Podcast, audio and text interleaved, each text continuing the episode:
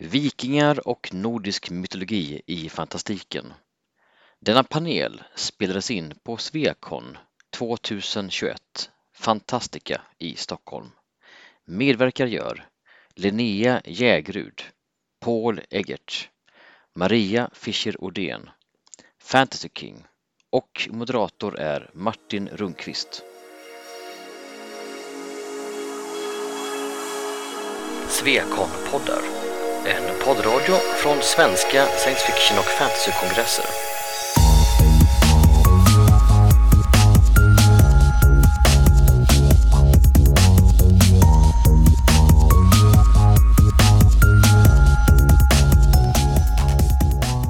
Eftersom vi inte ser det så ser det ut som att det är 1800 pers här inne. Men välkomna, vad kul att det är 1800 personer Det är här. ganska bra tryck faktiskt. Välkomna allesammans, vad trevligt att se er. Eh, Jag heter Martin Rundqvist och jag Eh, umgås med eh, fornnordiska människor rent professionellt. Eh, men jag sitter inte i panelen utan jag är er moderator i afton. Och vi ska prata om ska vi säga, fornnordisk kultur, fornnordisk mytologi, lite vikingar sådär. Där de framträder i, i genrelitteratur, genrefilm, genre-tv, science fiction och fantasy. Och jag, vill, jag vill gå ut hårt här och fastslå att um, um, asaguden Tor är en jävligt larvig superhjälte. Och det vill ju i det sammanhanget inte säga lite. Men eh, eh, jag tycker vi ska annars inleda med att be eh, panelen att presentera sig. Och då kan vi vara pedagogiska och gå ifrån från vänster. Varsågod.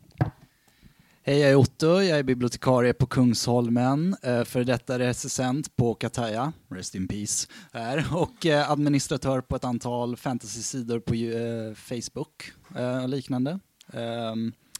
Och jag har stor fascination av vikingar, vikingafantasy, umgås med flera så här, guider och historiker så, här, så jag har väldigt, väldigt starkt hobbyintresse så här, men jag kommer mest ut från det från den litterära sidan. Välkomna in. Hitta någonstans att sitta allesammans. Då ber vi Linnea säga några ord. Yes, jag heter Linnea. Jag är skogs och vattenbiolog. Och jag är också vikingaskeppskapten på vikingaskeppet Vidfamne som seglar längs med Bohuskusten, upp och ner, och till Norge och till Danmark. Jag är ganska dåligt betald. Jag får en öl när vi kommer i hamn, men det är ungefär den betalningen som är på den. En dragöl. Men dock. Okej, jag heter Maria. Jag jobb, mitt mugglarjobb är folkhögskollärare eh, men annars så har jag skrivit en fantasy-trilogi som eh, inte utspelar sig på vikingatiden, vilket många tror eftersom det finns massa fornnordiska gudar och eh, folk tror jag sett, men på järnåldern. Good enough, jag brukar rätta när jag orkar. Men jag har en fascination för myt- eh, fornnordisk mytologi och en massa andra mytologier i och för sig, eh, sen eh, barnsben. Ja, hallå. Eh, Paul heter jag och eh, jag har väl, eh, jag har skrivit en roman bland annat som ingår i en, en serie som, eh, romanen heter Dödfödd och serien heter Borde vara död. Och eh, Dödfödd, eh, där förekommer det ett sånt här okult eh, mc-gäng som heter Jägarens hundar. Och eh, de är ledda av någon som påminner väldigt mycket om Oden. Och de praktiserar då så här runmagi och gallrar och sån där skit. Och de har även en supportergrupp som heter Ulvhednarna. Och det är väl ungefär ja, sådana grejer som den boken handlar om då. Det låter hårt. Det låter fett. Det var hårt faktiskt. Metal. Ja, eh, så att som ni hör så har vi en väldigt ehm, eh, väl ehm, meriterad panel med folk som vet vad det här handlar om och som eh, inte bara är konsumenter utan även producenter i det fält som vi ska prata om idag. Och eh, innan vi sågs här idag så har jag eh, på e-posten bett alla panelisterna fundera lite grann över favvisar och hatobjekt i det här området. Alltså, jag har ju redan framhållit att guden Tor är en väldigt larvig superhjälte. Ehm, men ehm, det kanske inte panelen håller med om, så därför tänkte jag att vi ska ehm, be var och en, om vi börjar till exempel med Paul, att berätta om någon favvis. Det behöver inte vara den du älskar allra mest, men en som du verkligen tycker är bra. En eh, fantasy eller science fiction situation där det fornnordiska materialet används på ett bra sätt.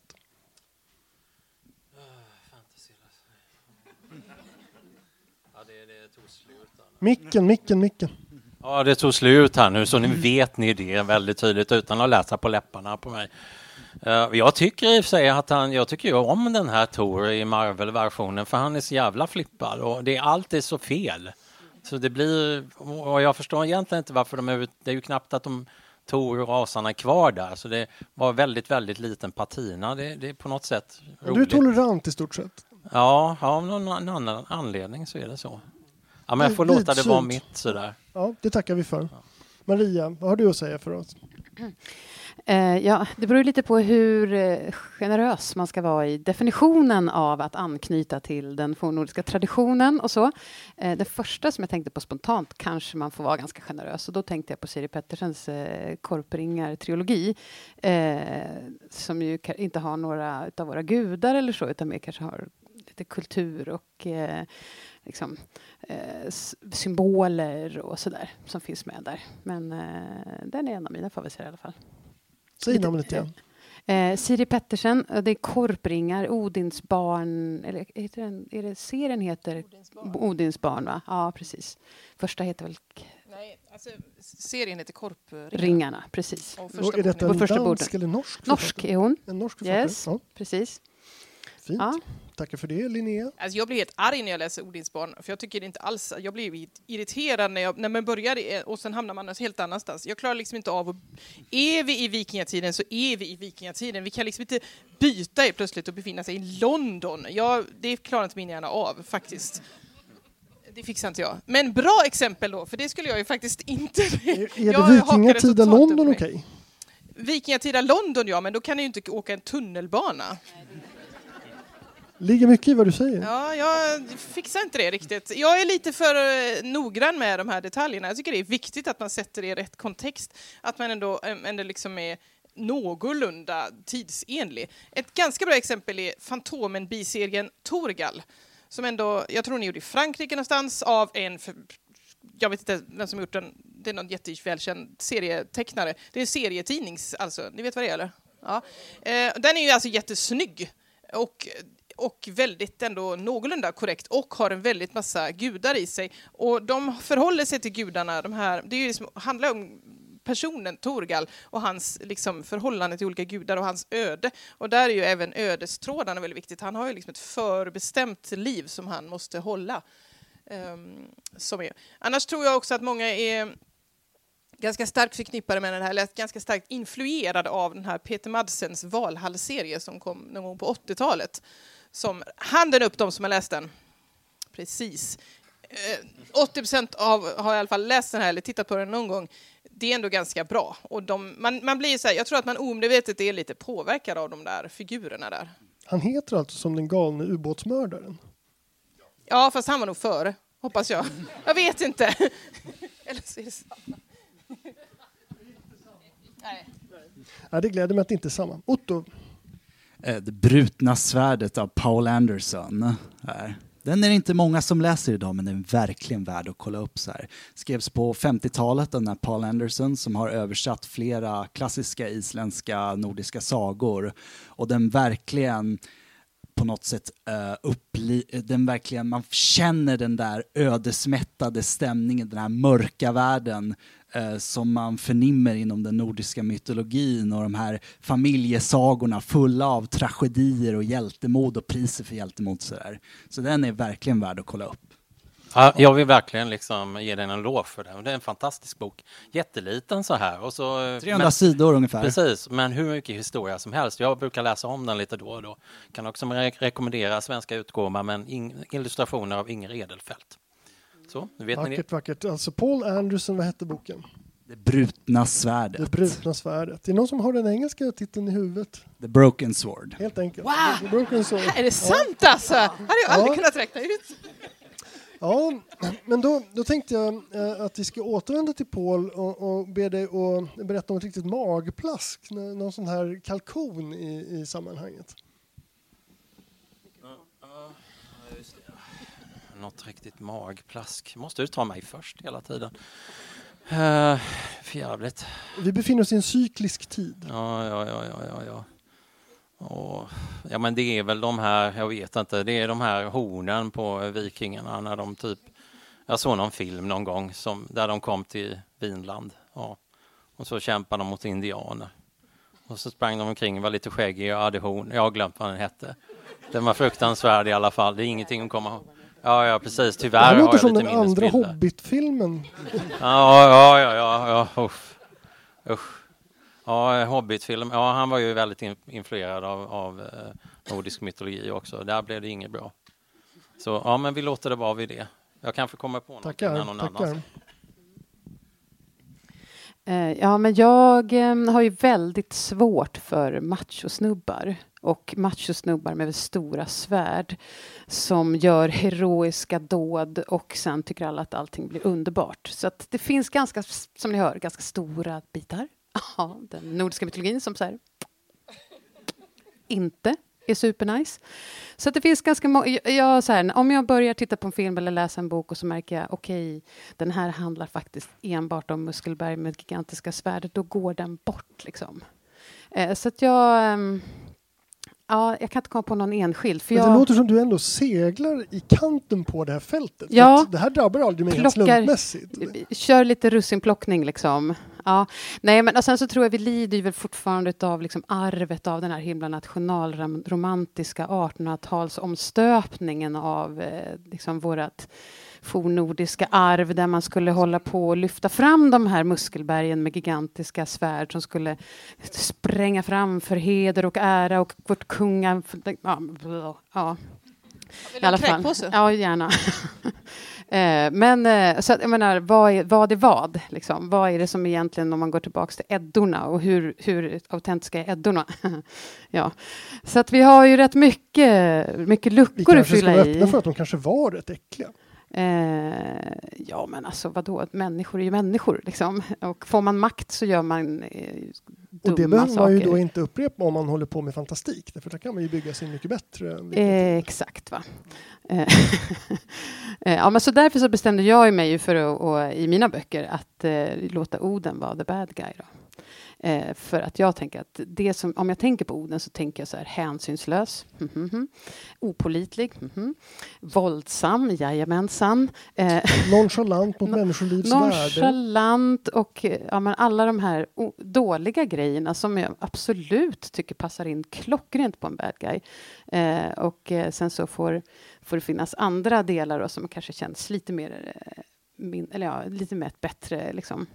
Plocka Men upp apropå de här muskelbergen, det finns ju eh, vikingatida muskelberg i fiktion som inte nödvändigtvis viftar med svärdet utan viftar med, viftar med något annat stort och hårt. Och då tänker jag på ehm, Fabio och liksom eh, romance eh, vikingatid. Det- jag kan tänka mig att det finns ganska många romance-läsare här. Så. Ehm, och han är ju a lover, not a fighter. Ja. Um, Linnea, vill du berätta om något magplask som du har stött på? Alltså, jag klarar heller inte av... Jag, jag, blir, jag, jag fixar inte riktigt när, det, när, det- när, man, när man hoppar så här vilthopp mellan, mellan eh, någon slags någorlunda korrekt värld och någonting som är, inte alls är det. Jag har lite svårt att hoppa däremellan. Tunnelbana är inte bra. Nej, ja, det blir lite jobbigt faktiskt. Eh, men helt ärligt brukar jag ju stänga av eh, om, jag, om det inte är bra. Liksom. Ja, men du har helt rätt i att Odin är the bad guy, absolut. Det, det skulle jag ändå vilja poängtera. Och det här Sons of Odin och alla MC-klubbar och liksom, alltså vad är det där? De har ju liksom inte läst på. Det är, det är vargar, det är likätande korpar, det är liksom eh, tarmar på ett slagfält som ligger och stinker och det är flugor och det är för fan inget ärofullt. Men det är väl det som är grejen. Är man fascist så bara yay! Då gillar man orden alltså. Det var ju Ja. någon humorist som kallade organisationen för Sons of Onan. Otto, Mm. Jag tänker på den här The Last Kingdom, så här, den här tv-serien, för helt uh, lite motsatta skäl. Så här, att den här scenen när karaktären blir förslavad och blir tagen till vikingarnas högkvarter, den är ju skitrolig. Så här, det är folk som dricker och slåss och de hänger folk och så här, och det är så överdrivet att det nästan blir roligt. ja, men det låter ju som en vanlig motorgårdsfest. Ja, eh, jag är ju ganska dålig trekolog. Så att, eh, jag är övertygad om att det finns trekologer här eh, som kan svara på huruvida klingoner är rymdvikingar.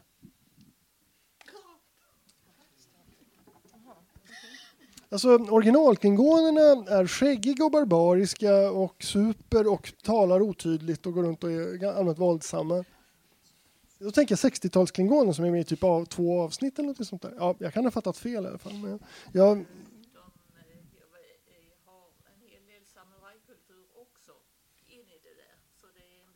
rymdvikingasamurajer på 60-talet. Jag vill se en reboot. Men däremot så har man ju gått om de här eh, hårdföra, skäggiga, bredbröstade nordmännen i väldigt många berättelser. Jag menar, vi har Game of Thrones, vi har eh, Rohirrim, vi har liksom en massa olika historier där vi har eh, Eh, så kommer det, finns det något folk där. Ofta är de ju i och för sig ganska så rakryggade och liksom hedervärda och så där får man ju säga. Eh, men det finns ju gott om klyschor där, alltså troper med, med, eh, med den här härliga nord, nordbarbaren. Det finns ju. Inte alltid i rymden då. Ursäkta för jag var lite på det. Jo, men jag tänkte så när jag läste Game of Thrones för första gången innan den blev kändis och alla skulle hålla på och titta på den på tv. Så, så var det ju det. Det var den här nordmannen som var, ja, han var reko och så var det sydlänningarna som var liksom lite dekadenta sådär. Ja, så jävla klyscha. Och så skriver han precis som tv-avsnitt. Ja, ja, ja. Ja, och så blev det med det. Robin Hobb håller jag på att lyssna på nu också. Eh, Nordfolket där som är superreko, jättedemokratiska och verkligen toppen. Det är också så här, eh, de är kanske inte riktigt lika skäggiga nödvändigtvis som alla de andra, men ja. Eh, ja, nu lyssnade jag på Assassin's Fate, men det är ju mera eh, Fitz-historierna där så finns ju folket i, i norr där. Men sen den här svärdsviftande uh, machomannen har ju också en eh, new age-tant motsvarighet. Alltså i den här Marion Zimmer Bradley-skolan av hur man tolkar forntida mytologi. Att, att allting är väldigt hippiebetonat och, och det är väldigt mycket chakror och eh, förmodligen en hel del cannabis in, inblandat. Lite livmodersmystik. Det är nog ganska mystiskt inne i livmodern ska du säga. Jag har mycket att lära. Ja, men det är klart, man, är, man vore ju dum om man inte utnyttjade alla mytologier och alla myter om, om olika typer av eh, kulturella saker som har funnits, eventuellt, eller som i alla fall har förts vidare i någon sorts idé, för det finns ju så sjukt mycket fantasieggande saker. Men kolla på den fornnordiska skapelseberättelsen. Eh, människor föds ur armhålorna, fötter som gör barn med varandra. Woo! Flugsvamp! Men det finns ju otroligt eh, fantasieggande saker. Men att Sleipner, som vi pratade om förut, är son, son till Loke när han skiftade över till Sto och liksom förförde en jätte så att han skulle misslyckas med sitt uppdrag. Vad sa du? Jättes häst var det. Jättes häst, ja. ja just det. Jättes häst, ja. Mm. Just det, förstås. För att det blev en häst sen. Ja. Sen det finns ju väldigt mycket fantasifulla saker. Ja. Linnea, vad tänkte du på? Ja, men kommer ni ihåg, eh, hur många har sett den här Korpen flyger? Och Korpens skugga. Ja. ja, men de är ju... ja, Jag tänker så här, det här är tusen år sedan. Det är faktiskt jävligt länge sedan. Eh, De människorna, de var faktiskt ganska olika oss. Och alla, alla de här tolkningarna som har kommit till litteraturen och alltihop där, det är liksom nutida versioner av, av det som var då. Men om man skulle hitta någonting som var, jag tror inte det var så himla gulligt, jag tror det var ganska barskt, skitigt, lerigt, lukta äckligt. Slaveri? Ja, slaveri, vad är det? Och det här med kvinnornas eh, värdighet och alltihop det här. Det- Alltså, jag, så himla kul var det inte. Vad skulle de välja? Det finns ju fan bara det att gifta mig med. Det är klart jag gifter mig med dig. Eh, det finns ju ingen annan. Det är ju bara du. Eh, eh, alltså, det, det var liksom... Love the one you're with. Mm, ja, precis. För du behöver ha den, för det är han som eh, fiskar fisk, typ. Men, och så det här, det här med hämnas i all oändlighet. Alltså, någonting jag, som min farfar gjorde måste jag fortfarande göra. Om du, min lille son, ska minsann fortfarande... Tänk om det var så. Fy fan, vilket jävla Ja, det är väl liv. ungefär så i Rinkeby nu. Ja. Men alltså när vi pratar om hederskulturer, jag skrev en, en, eh, en eh, novell till en eh, novellantologi som Frida här och jag har varit med i, och, utgivit. Och då gjorde jag, research om hederskulturen och hur den var kopplad till manlighet under vikingatiden. Och det var ju inte något vetenskapligt arbete som jag pysslade med, men jag försökte ändå vara no hyfsat noggrann. Och eh, en av huvudpunkterna i den här novellen handlade om att en man under vikingatiden som blev liksom eh, hånad som kvinnlig eller till och med homosexuell kunde, kunde alltså slå ihjäl den person som sa det till en utan att det blev några konsekvenser. För det var så illa. Liksom. Och när jag säger uark så menar jag förstås inte uark, utan jag menar att de tyckte att det var så Ja. äckligt med det, med det här ärki heter det. Ja. Ja, så jag menar, det är klart att det fanns otroligt många aspekter av det samhället som vi ska vara glada över att de är borta här i alla fall. I det stora hela. Eh, fast samtidigt var det väl, nu kanske ni kun, mer kunniga än mig, det är ni säkert, men Oden, eh, sysslar inte han med så här sejd och sånt? Och då, det är Jo, ju vem fick han kvinnligt det sådär. Ja, precis. Vem Det är ju kvinnlig grej överhuvudtaget. Varför ville han Jo. ha det? Jo, fast han lät ju inte bara Freja göra det åt honom, utan han gjorde det själv. Han Det är lite stal bögigt. faktiskt. Alltså, ja, Han ja, kanske. stal faktiskt runemagin, gallrarna och hela sejden och så gjorde han det till sin grej. Och sen på något vis blev det här, åh, allting, all, all sejdmagi, allting som har med sejd och runor och gallrar att göra, det är Odens eh, kunskap. Men i, från början var det faktiskt inte alls det, utan det var ju vanernas kunskap. Det var ju Ja, ja. Han är Freja en cirkumpolär shaman, säger Han är en, religionsvetaren. s- vad heter det? Vad är- Tjuv? Att vara en tjuv och mördare är väldigt passande för vikingarnas utgud. Alltså, Loke är ju från början en, en avkomma. och så vitt jag vet har ju orden inte varit det. Eh, eftersom orden, Vilo och ve var ju de där första som, som dräpte Ymer och byggde världsalltet. Och sen tror jag egentligen kanske att de inte byggde, faktiskt snickrade ihop någonting, utan de kanske bara organiserade de folkslag som fanns där. Nu låter jag som att jag tror på det här på riktigt, men, men, men på något vis måste vi liksom ändå, ändå bena ut det här. Ehm, och jag skulle då äntligen säga att Loke kanske inte är samma som orden, men jag har inte riktigt... Ja, vill du, har du något om det? Ja, nej, men jag tänkte dels... Dels tänkte jag att det är väl lite oklart exakt var asarna kommer ifrån. Och tittar man på släktträden som Turkiet beskrivs... säger Snorre. Ja, jo precis, och Troja. Men, det är, men, men jag tänker just att huruvida jättarasar egentligen har någon slags gemensam släkting, förfader så. Sen tänker jag just på Loke, Loke Odin som du sa. Um, för det är väl också i ett, ett stycke redan så anklagar Loke Oden just för att vara ärgig, för att vara mottagande parten i homosexuellt. Samtidigt som Loke då har förvandlat sig till ett sto för att föda Sleipner. Liksom, han har inte så mycket och, så high ground att stå på när det gäller manliga heterosexualiteten. Så liksom. Ja, verkligen. Har ni läst Eddan så vet ni att Loki är en terrible roaster. Japp. Det finns ett par runstenar i Blekinge från en period när nästan ingen skriver i Skandinavien, men det är några familjer där som, som reser runstenar och de är fulla med hotelser. Bland annat så säger de att den som bryter det här minnesmärket kommer, som det lite artigt skrivs i eh, de gamla översättningarna, ständigt plågas av arghet. Och ehm, ehm, ehm, Idag så menar vi nog snarare att den där texten betyder kommer ständigt att sättas på i tvåan utav runstenens ägare. Ehm, och, ehm, Ärgighet alltså. Ja, precis. Kom, kommer det kommer ständigt ständigt att plågas av av ärgighet. Ja. Och ehm, ehm, det här berättade jag för ehm, eh, en eh, kalifornisk nyhedning och häxa. Hon, eh, hon var gift med Stefan Grundy, den, den gamle asa fantasyförfattaren. Och hon förklarade att hon kände säkert 20, 20 kaliforniska män som gärna skulle åka till Blekinge och bryta minnesmärket.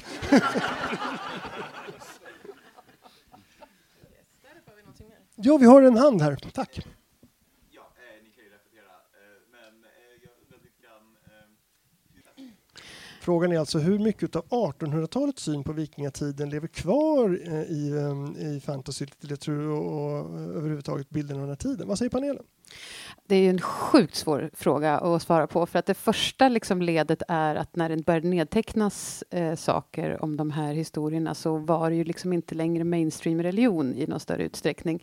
Så att det är ju ganska mycket fel. Och dessutom så nedtecknas det väl i allmänhet av kristna personer. Så att det finns ju ganska mycket felmarginal till och med i det som vi på, ut, betraktar som någon sorts originalkällor, så att säga. Eh, nu har vi ju turen här i att vi har Island där det faktiskt bevarades en hel del såna här källor. Men, men här, det finns ju otroligt mycket vi inte vet där, otroligt stora luckor. Men, men jag, skulle, jag skulle säga, utan att återigen ha gjort någon vetenskaplig research om detta, men så det här, det här liksom eh, heder, ära, macho, krigar, dö för kungen-idealet som ju var väldigt mycket i hjärtat av nationalromantiken på 1800-talet den känns väl ganska närvarande om man tittar på otroligt många tv-serier och filmer och, film och böcker och allt möjligt sånt där. Överhuvudtaget kanske i fantasygenren kan man väl säga. Eh, men när Tolkien var ju otroligt influerad utav både fornnordisk mytologi och Beowulfsagan och en massa såna här eh, originaltexter, om man nu ska kalla dem för det, som är så här gamla. Liksom. Eh, och det här, det här eh, arvet finns ju från början, sen genren uppfanns på något vis. Jag håller med. Det är fortfarande rätt macho. Ja, Det det. Jag skulle vilja se, tänk om man kunde hitta något så här, tänk om Gnå kunde vara eh, våra nästa hjältinna. Ja, Gnå, vem är det? Någon som vet vem Gnå är? Ja, då får man ju verkligen, det är ju en av, av det är Friggs budbärarinna som åker på en häst. Hon har, sk- hon har en häst till, kolla en häst. Eh, en, hon har en häst med speciella eh, som skor som kan flyga och så kan hon åka mellan olika världarna. Eh, i, i, det är ju en cool hjältinna liksom. Varför har man inte henne eller någon annan sån här fr- Frigg ser man aldrig någonsin i filmerna. Hon är helt väck. Freja är där med sina stora tuttar möjligen. Men alltså det, vi har, vad sa du? Nertus är, jag- är faktiskt med ibland. Eh, ja, det Också väl bra. känns som Njord, manlig havsgud. Vad sa du? Också känns Ja. som Njord, Ja, manlig men varför... havsgud. Vänta lite, har vi äntligen en kvinna här och så gör vi om henne till en man? Ja, Jag vill, jag glömmer alla räder och eh, svärdsfighter och sånt där. Jag vill se lite ting-action. Så här. Jag vill ha ett så här episkt domstolsdrama där två, me, pe, där två starka ledare mot familjen måste genomföra argument så här för att avsluta den tusenåriga familjefejden. Så här. Njalsaga. Eller gör upp några fastighetsaffärer där man säljer sig. Boverkets arisk. Här har vi en fråga från publiken. Eller har med en kommentar just gällande arvet från nationalromantiken. Ska jag ta min? Eh, Så såg jag ett, ett eh, Youtube-klipp där han gick igenom just dräktmässigt. Han kunde koppla ihop eh, kläderna i Wagner-operorna till kläderna i Vikings. Eh, via liksom de gamla vikingafilmerna Vikings med Kirk Douglas, eh, Tony Curtis och vidare liksom 60, 70, 80-tal. Eh, så att de troperna med klädedräkten finns fortfarande kvar jättestarkt från eh, Wagner-perioden. Wagner! Ja, det är Wagners kostymör. Eh, scenografen. Men där är ju också eh, det arkeologiska läget eh, lite grann att eh, lasta för detta för att när vi hittar textilier så är det liksom två kvadratcentimeter som sitter ihopbakade med rost på någon, någon, eh, något spänne så, där, så att folk som faktiskt vill göra vikingakläder har inte så där hemskt mycket att gå på. Man får gå på, snarare då på avbildningar utav folk. Jag vill bara eh, så här, lite grann. Eh, eftersom jag nu har faktiskt seglat ganska stor del vikingaskepp eh, så är det det är 88 kvadratmeter apstort segel. Det är jätte, jättetungt. Det är verkligen inte, det är verkligen, och det är liksom inga block och tallar utan det är liksom råstyrka som behövs för det där. Eh, så- Råsegel till och med. Råsegel behöver råstyrkan, precis. Eh, och, eh, och, och, och dessutom är det kallt och det är vått och man är lätt sjösjuk hela tiden och hungrig. Eh, och, och har spenderat liksom 10-12 dagar ute på Nordsjön här. Det låter väldigt masochistiskt, lite Alltså, det är inte så att man bara wow vad jag främjar mina feminina drag här och går i... Alltså, Du säljer in det så bra. Ja, nej, men, men alltså, även, även, oavsett vad man råkar ha för kön så får man ha rätt mycket liksom, att få ta i. Jag fattar att det bara var männen som åkte ut på resor för att det är tungt. Däremot kan man ju styra eller navigera och de grejerna, det kan man göra, men, men det är faktiskt tungt. Men ut, utan uh, hustru, döttrar och en ordentlig fårjord kan man inte segla alls, för man har inget segel. Nej, och det blir inga barn heller.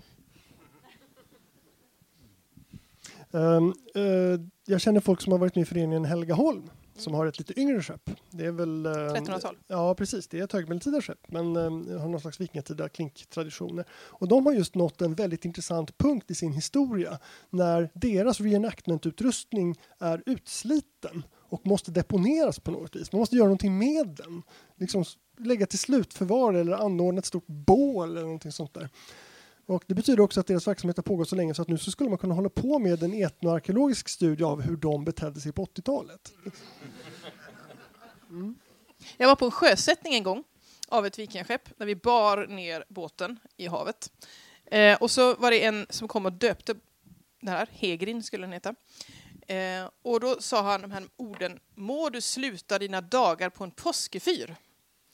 Jaha, vad tänkte jag, vad betyder det liksom? Men det betyder helt enkelt, må du inte gå på grund.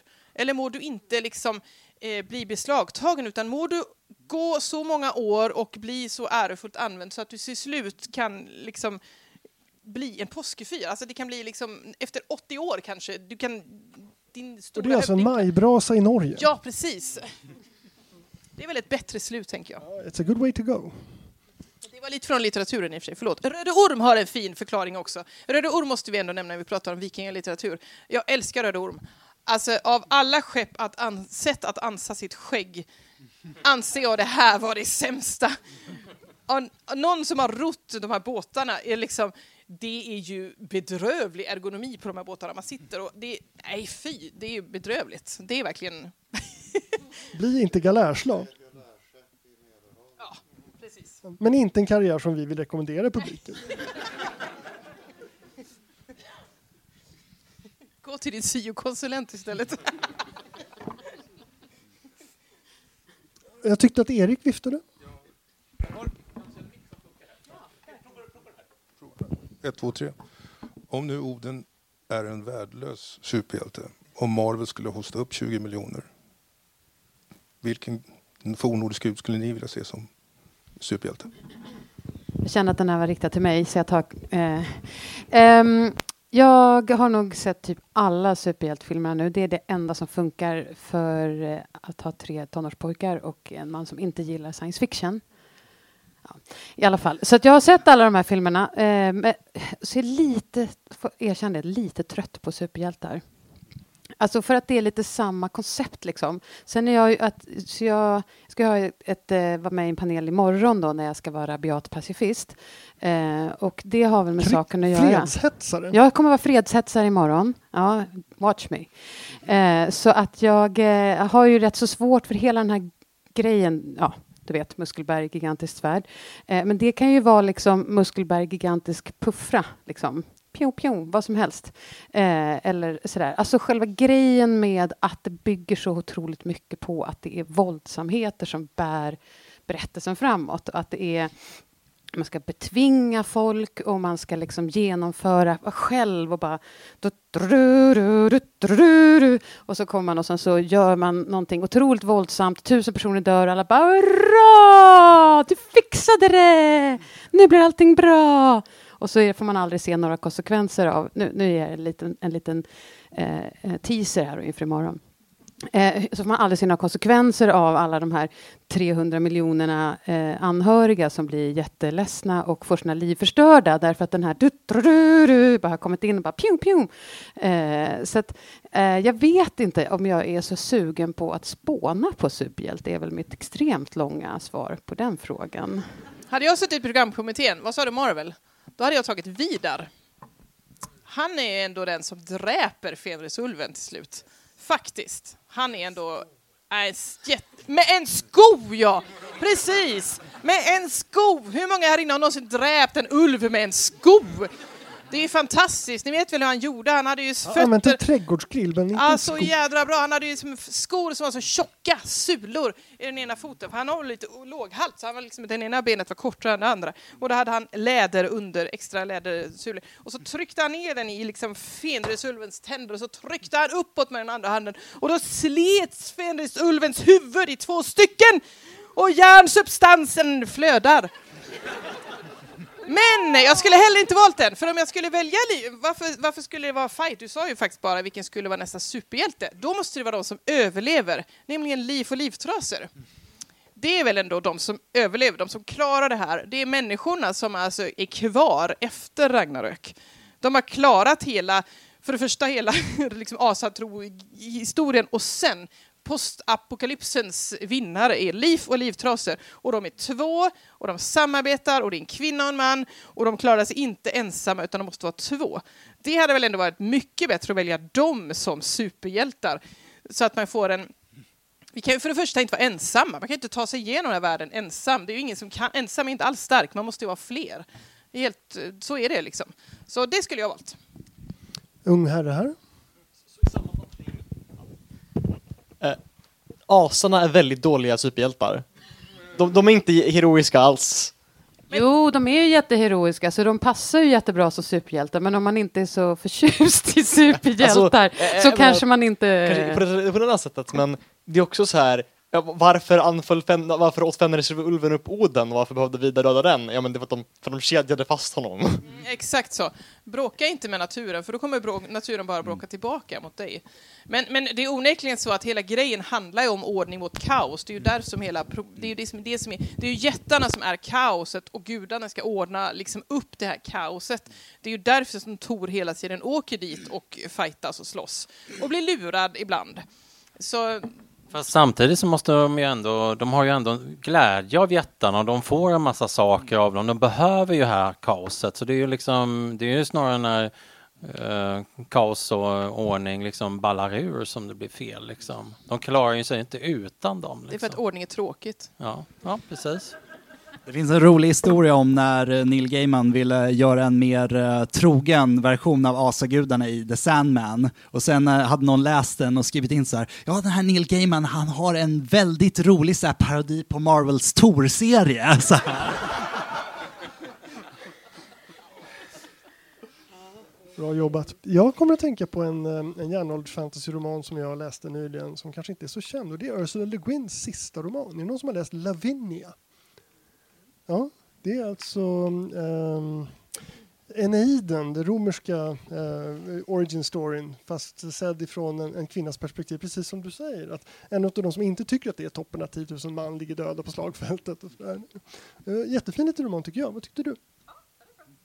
Jag får godkänt. Ja, ja jag, jag är ju stor Le Guin-fan och eh, om, man, om man börjar i den änden utav fantasy lite grann när man är ganska liten då, då, då tenderar man ju på något vis att internalisera det perspektivet från början och, och tycker inte riktigt att det här eh, hjärnlösa eh, köttskallar med jättestora yxor är sådär superintressant. Och det, det tror jag gäller kanske alla som sitter här. Det är ingen här som kommer från ett håll där det är oifrågasatt.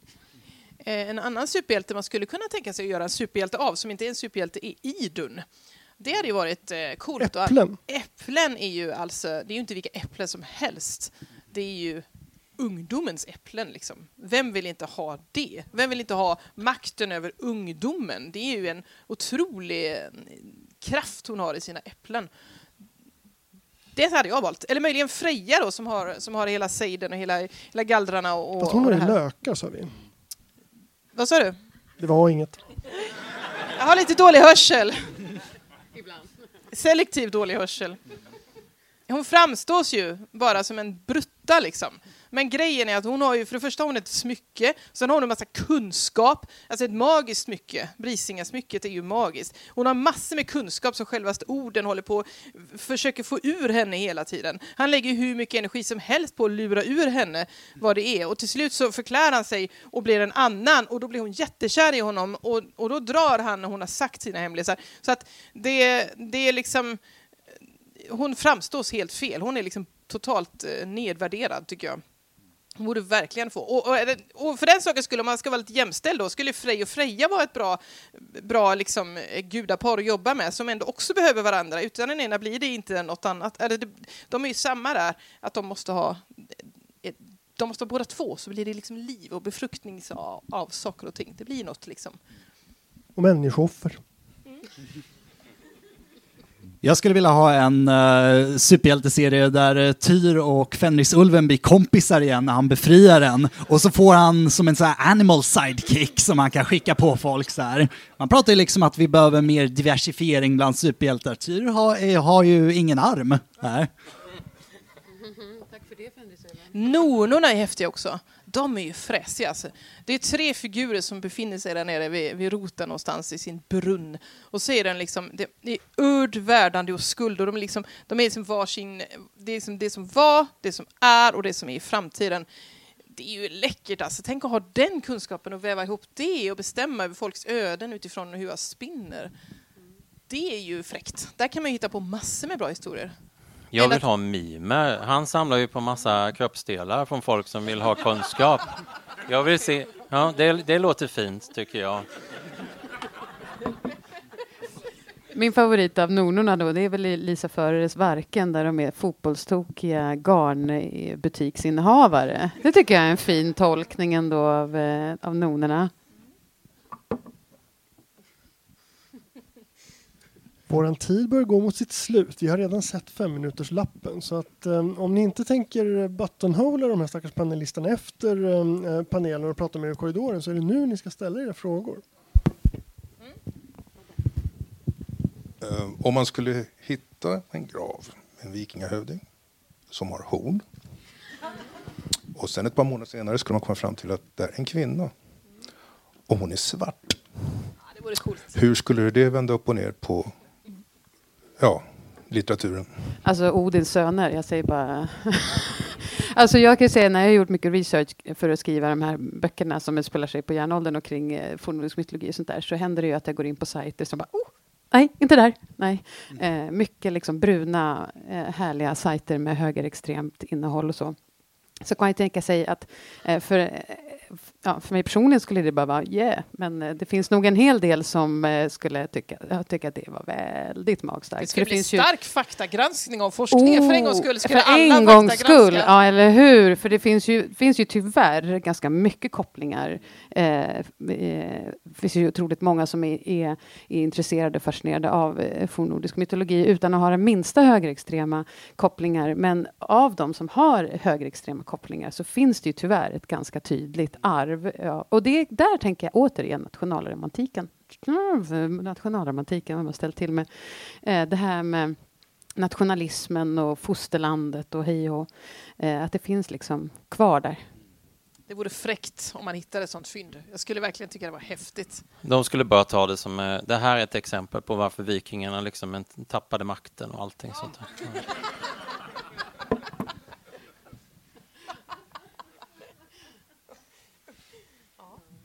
Har vi några rymdvikingar? Vi har bara pratat om fantasy. Det är ganska självklart att man skriver fantasy i vikingamiljö. Men finns det några vikingar som åker rymdskepp? Neo-Vikings finns det rollspel. Rollspelet Neo Vikings? Ja, känner inte till. Jag har inte spelat det själv, men, men omslaget är väl ett vikingaskepp som. Ett vikingaskepp i rymden, det är jättebra. Ni har sett skämtteckningen när eh, Armstrong och Aldrin kliver av sin månlandare och så hittar de ett vikingaskepp med massa... och så är det en tankebubbla. Those fucking vikings were everywhere! Får jag bara använda de kosmiska vindar då, eller? Det måste vara det de gör. Det måste vara det. Ja, Solar sailing. Ja. Ja, ja. Solstormen är ju farlig också när man är... Solstollarna är inte att leka med. Eller att reva då. Ja, jag tycker att vi ska ge panelen en stor applåd. Tack allesammans!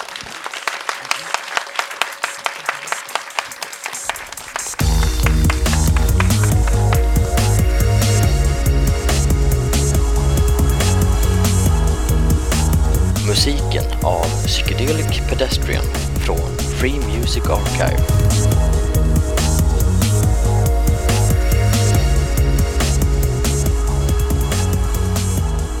Besök gärna vår hemsida på svekonpoddar.se